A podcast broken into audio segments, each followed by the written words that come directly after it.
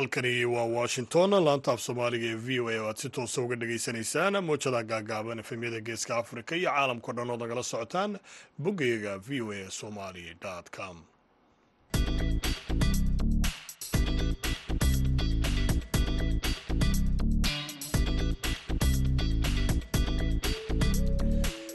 duhur wanaagsan dhammaantiima dhegaystayaal meel kastoo aad joogtaanba waa isniin taariikhduna ay tahay labada bisha januari ee sannadka laba kun iyo saddex iyo labaatan. Haatanna dhegaystayaal idaacadda duhurnimo ee barnaamijka dhallinyarada maantana waxaa halkan idinkala socodsiin doona anigoo ah cabdixakiin maxamuud shirwac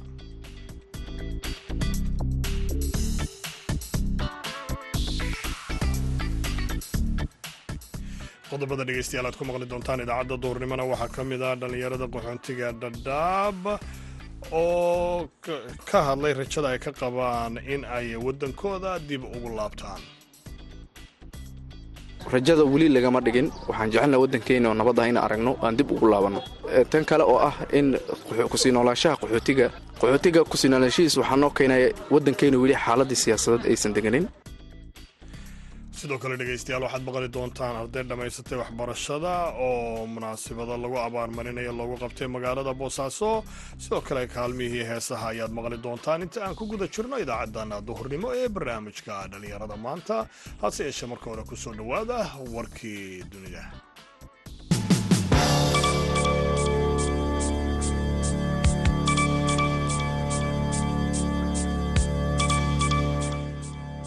maraykanka iyo kuuriyada koonfureed ayaa yeeshay wadaxaajoodyo kuuriyada koonfureed siin kara. Door ay ku yeeshaan howlgalka nukliyeerka maraykanka sida uu sheegay madaxweynaha kuuriyada koonfureed yon sok yol waraysi isniintan maanta lagu daabacay wargeyska kuuriyada koonfureed ka soo baxay johnson ibo. Ayaa yoon madaxweynaha kuuriyada koonfureed ee uu ku sheegay in wadaxaajoodyada ay udubdhexaad u tahay. Qorshe wadajir ah iyo carbis ay la sameeyaan quwadda nukliyeerka ee maraykanka nidaamkan oo uu sheegay inuu saameyn la mid ah ku yeelan doono wadaagga nukliyeerka mas'uuliyiinta maraykanka ayaan dhinacooga xaqiijinin wadaxaajoodyo noocan ah inay dhaceen balse hore ayay u tibaaxeen wadaagga nukliyeerka oo ay la yeeshaan kuuriyada koonfureed. Mar la weydiiyey inuu ka hadlo amaba inay ka hadlaan aan idhaahda inuu ka hadlo maraykanka ee ciidamada maraykanka ee ku sugan kuuriyada koonfureed ayaa uu v o a weydiisay uu leexiyey amaba uu soo gudbiyey wasaaradda gaashaandhigga oo iyadu aan dhinaceeda arrintani ka jawaabin laba diyaaradood ayaa isku dhacay dalka australia xilli ay marayeen aag dalxiis oo dalkaasi ku yaalla isniintan maanta galabnimadeedii iyadoo ay halkaasi ku dhinteen afar qof oo ka mid ahaa rakaabkii saarnaa halka saddex kalena ay si daran ugu dhaawacmeen shirkaasi iyadoo keenay shilkani in gurmad deg deg ah laga galo aagga xeebta ee lagu raaxaysta oo ay dad badan joogeen xilligan xagaaga ah ee dalka australia mid ka mid a helikobteriska ama diyaaradahaasi qumaatiga u kaca ayaa ka kacaysay garoonka halka ta kalena ay soo cagadhiganaysay xilligaasi shirku dhaceen iyadoo uu ka dhacay goob nasasho oo ku taalla xeebta woltim ee dhacda xeebta waqooyi ee gold waxaana sidaasi shir jaraayada u qabtay ku sheegay grey worrel oo ah kusimaha baadhaha ciidamada booliska ee queensland dadka dhintay iyo weliba saddexda qof ee dhaawacmay ayaa dhammaan la sheegay inay ahaayeen rakaabkii diyaaradda burburtay. Dhegaystayaal warkiina waa naga intaa u diyaar garooba qaybaha kale idaacadda duhurnimo ee barnaamijka dhallinyarada maanta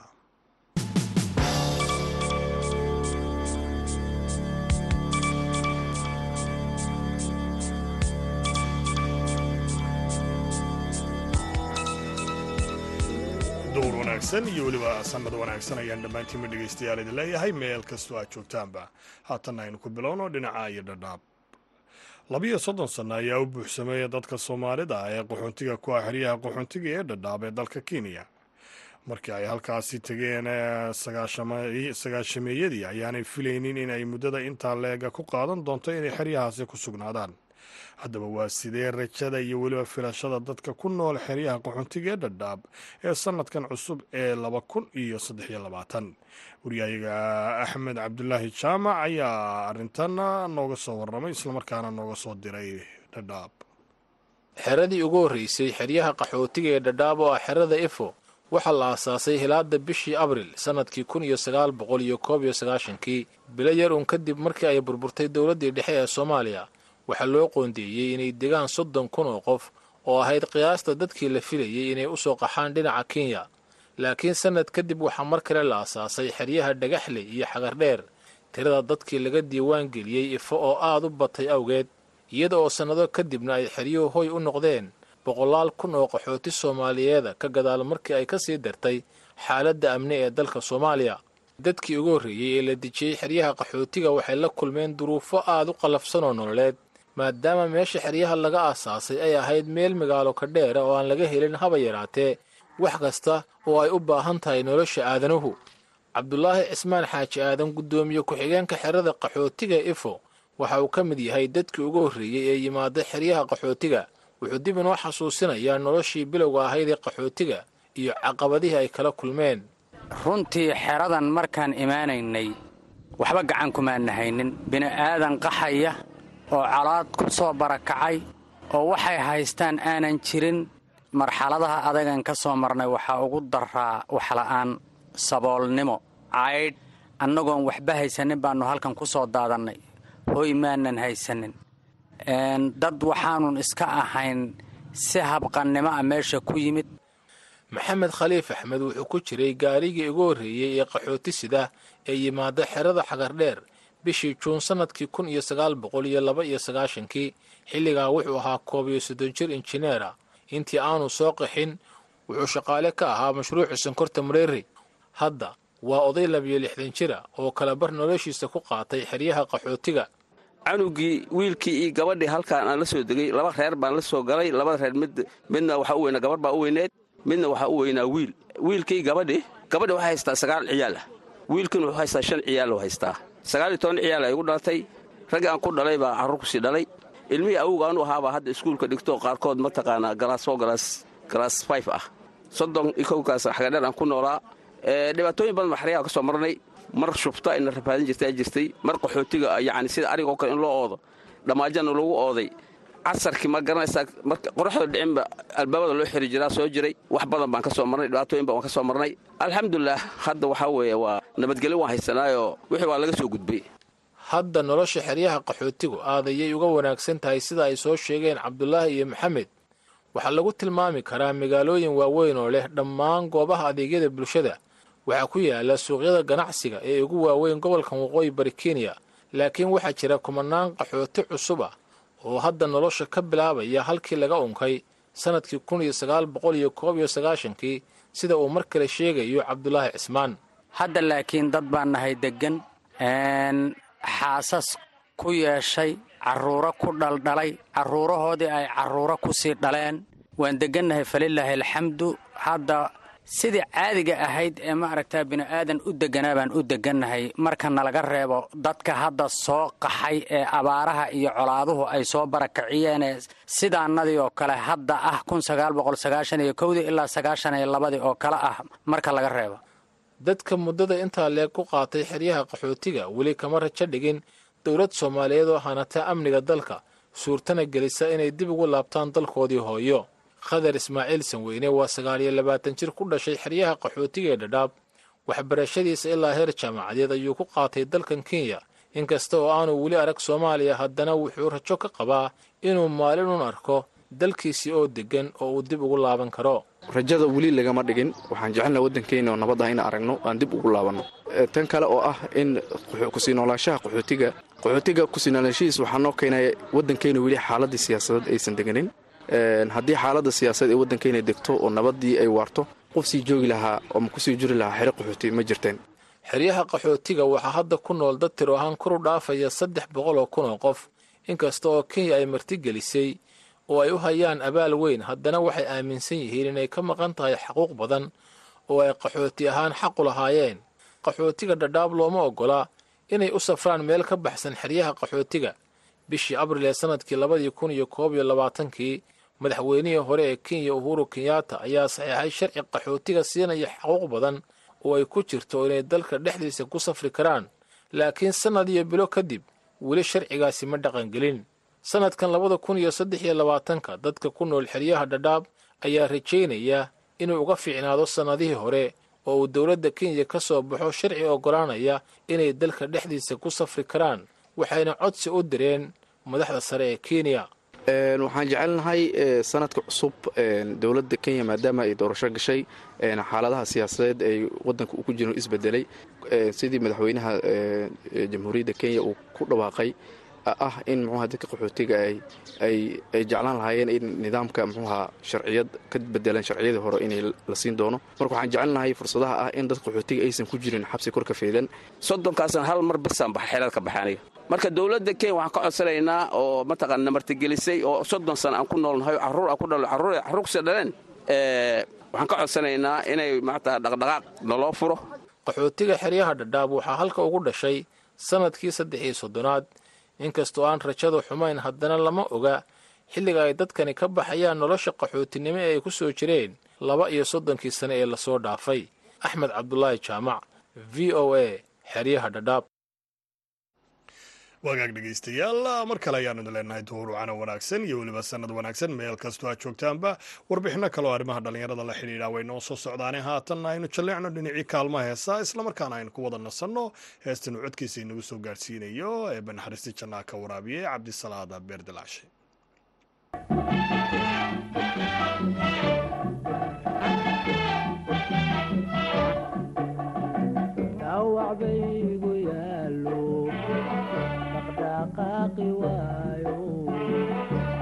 lafta dhabarka celisa labaa dhinaci noqote dhawac baygu yaallo dhaqdhaqaaqi waayo. Lafta dhabarka celisa labaa dhinaci noqote ruux dhimasha jooga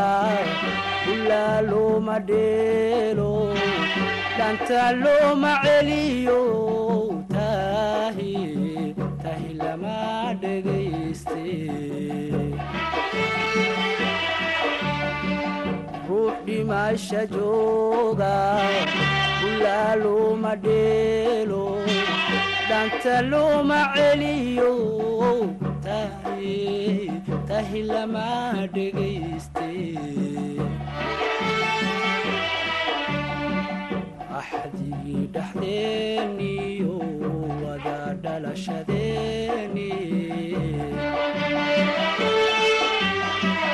aqalkan dhisaynaad dhegihii ka tuurte axdigii dhexdeeniyo wada dhalashadeeni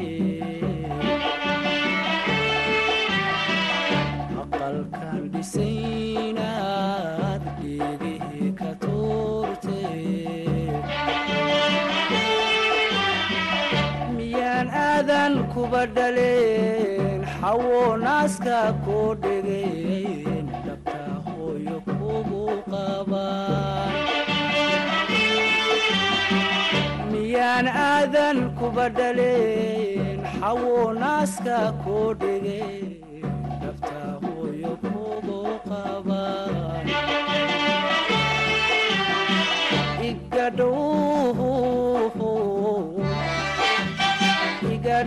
igadhowr igadhowr dhibaatada ragga laguma dheele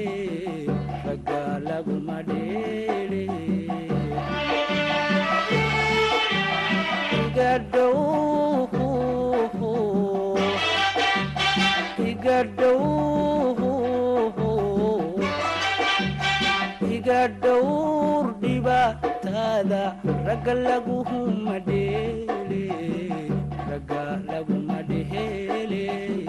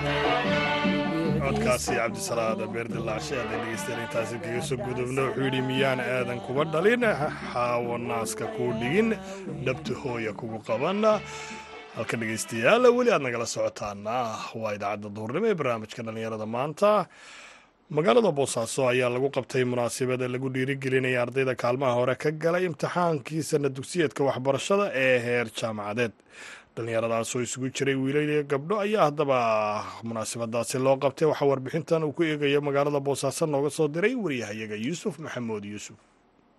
Xafiiska arrimaha ardayda jaamacadda badda cas qaybteeda magaalada boosaaso ayaa qabatay munaasabad lagu abaalmarinayey islamarkaana lagu dhiirigelinayay ardaydii ugu sarraysay qeybaha kala duwan ee kuliyadaha jaamacadda imtixaanka sanad jaamacadeedka iyadoo ay jirtay dhallinyaro kale oo lagu dhiirigeliyey xifdinta qur'aanka kariimka ah kuwaas oo isugu jira wiilal iyo gabdho.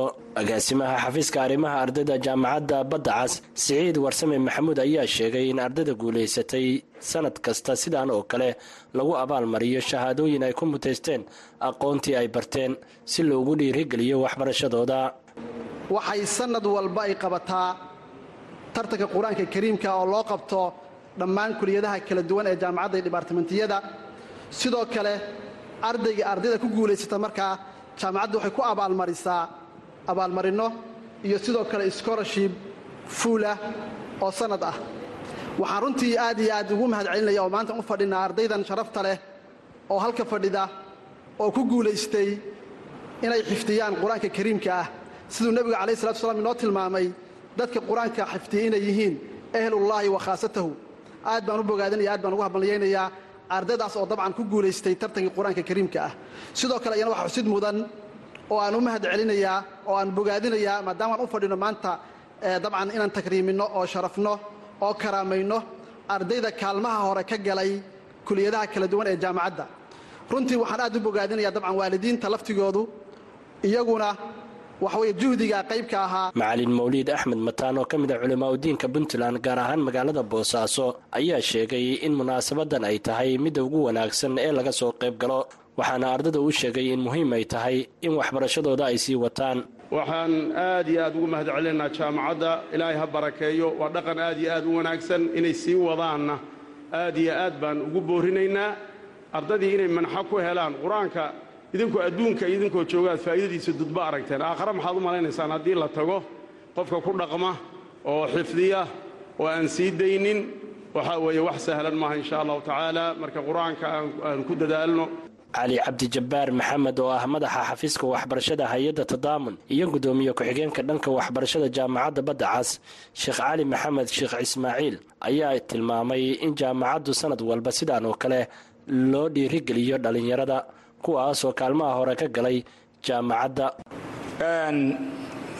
Si sharaf lay u tartameen si sharaf le bay u soo kala hormareen sidaa sharafta le bay jaamacaddu sannad walba ilaa laga soo bilaabo u abaalmarinaysay taasoo ah xigsi la xigsanayo ardayga halkan soo galay ee qur'aanka kariimkaa yaqaana inaanu qur'aanka iloobin oo jaamacaddu ayna noqonin sabab uu qur'aanka ku iloobo.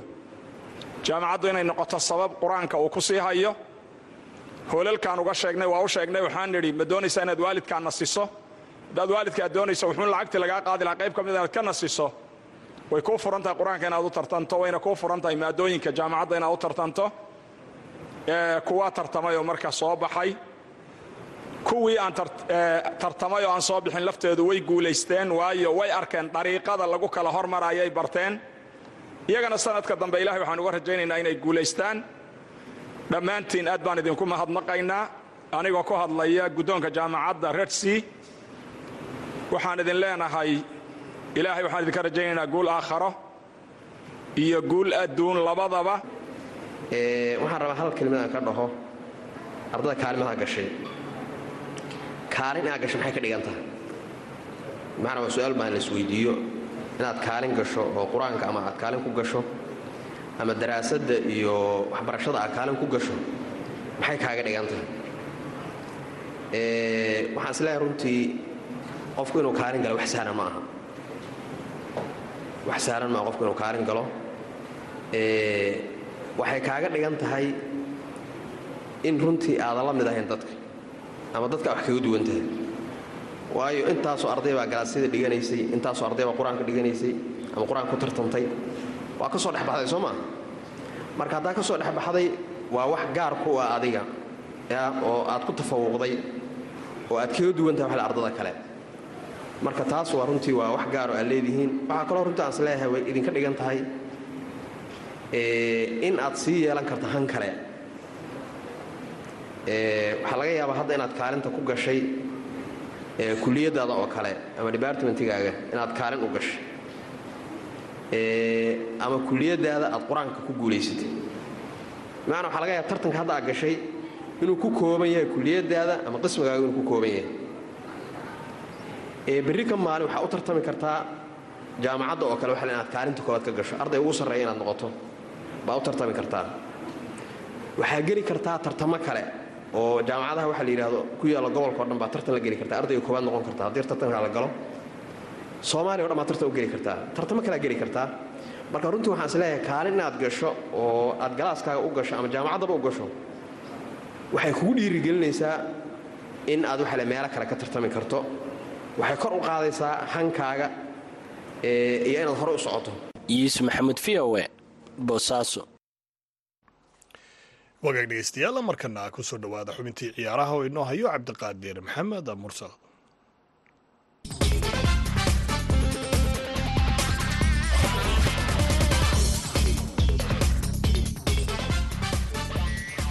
Kulanti wanaagsan dhegaystayaal ku soo dhowaada xubinteennii cayaaraha aan ku bilownay kooxda arsenaal ee kubadda cagta ayaa weli sii gaaraysa guulaha boqolkiiba boqol ah kulamada horyaalka premier leaga tan iyo intii laga soo laabtay koobka adduunka kadib markii kulamadii u dambeeyey ee loo yaqaano boxing dayga ay badisay. Arsenaal oo afar iyo laba ku garaacday kooxda braton ayaa toddoba dhibic ku hogaaminaysa horyaalka premier leaga iyagoo urursaday saddex iyo afartan dhibic lix iyo toban kulan oo ay ciyaareen kooxda manchester city oo ah tan difaacanaysa horyaalka ayaa haysata lix iyo soddon dhibic taasoo dadka qaar ay u arkaan inay tahay kooxda keliya ee arsenaal ka farmaroojin karta horyaalka haddii ay sibxadaan arsenaal oo horyaalka ay ugu dambeysay sannadkii laba kun iyo afar oo iyagoo aan laga badanin ku guulaystay ayaa u baahan inay iska ilaaliyaan dhaawacyo maadaama aysan haysan ciyaartoy badan oo boosaska ay ku buuxiyaan. Haddii laga dhaawacmo iyo inay guulahooda joogteeyaan saddex iyo labaatanka kulan ee ka dhiman tartanka. Dhinaca kale kooxda manchester united ayaa u muuqata inay dib u soo kabanayso iyagoo badiyey kulamadooda boxing dayga manchester cityna waxa ay barbaro la galeen kulankooda u dambeeyey kooxda everton taas oo sii adkaynaysa rajadooda ku guulaysiga horyaalka iyo inay soo qabtaan kooxda arsenaal haddaba rijaal xasan axmed oo ka faallooda ciyaaraha ayaa kala sheekaystay meesha arsenaal ay ku socoto iyo caqabadaha hor imaan kara manchester city halka laga haysto iyo sidoo kale manchester united meesha ay sanadkan ku dhammaysan karto. Arsenal sanadkan waxay u socotaa oo hamigeeda yahay bilowga horta waxaa la isdhahaya kaalin afaraad iyo arsenal. Sanadkan kaalimaha hore raadine laakiin hadda waxaas leenahay arsenal inay hami ka galay inay horyaalka ku guuleysan karto. Sidaasay tahay in ciyaartooy cusub iyo ku soo kordhiso kooxdan waa lama huraan bishan january waa gartay. Marka maxaa is leedahay arsenal way ka hor istaagi karaan horyaalka inay ku guuleystaan? Arsenal waxyaabaha ka hor istaagi kara waxaa ka mid a dhanka isha dhaawac ciyaartooy hadduu dhaawac uga imaado waxa waaye haddoo kale joycea ka maqnay. Inkastoo inketio hadda booskiisa buuxiyey beertay maanta hadduu ka dhaawac dhaawacmo ma haystaan ciyaaryahan u qalmado derninka odigaarlay saak oo kale.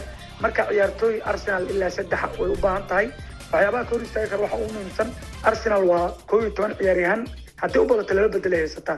Marka ina waxaa dhihi lahay inay ciyaartooyda badiso arsenal waa lama maarmaan waa gartay dhinaca kale kooxda manchester united waxaa moodaa iyagana inay dib u soo kabanayaan oo markaa fiirisid ee kulamada u dambeeyey marka maxaa is leedahay iyagana way la imaan karaan sanadkan horyaalka premier league aad iyo aad macalin aad iyo tiimkiisa waxay ku jiraan waqti fiican golden daysay ku jiraan guulaha u socdo.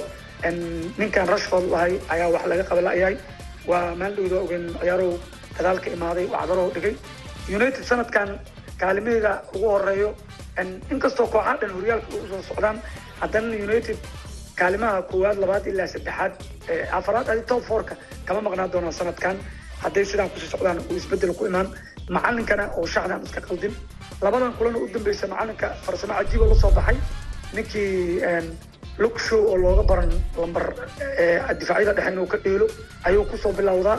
Saasay taana weli guulo ku gaara. Marka macalin tanaagii tiimkiisa sanadkan meel fiican ay u socdaan indhaha iyo hadda ku socdaan.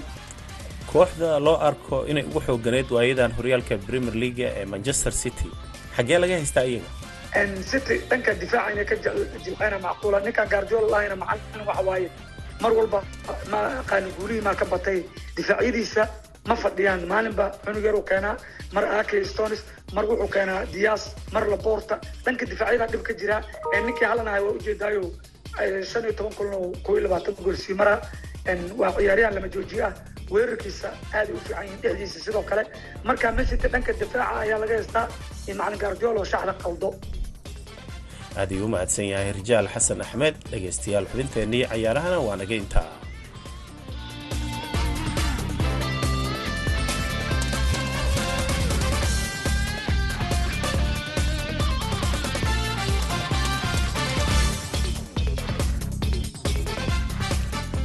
aad iyo aad ayuu dhegeystayaal u mahadsan yahay cabdiqaadir maxamed mursal samakaab oo inala socodsiinaya xubinta ciyaaraha. Gabagabada idaacadda aynu ku dhownaya haatanna aynu mar kale dib u jalleecno dhinacii kaalmaha heesaa islamarkaana aynu ku wada nasanno codka hodan cabdiraxmaan iyo weliba axmed raste iyo weliba heesta mylof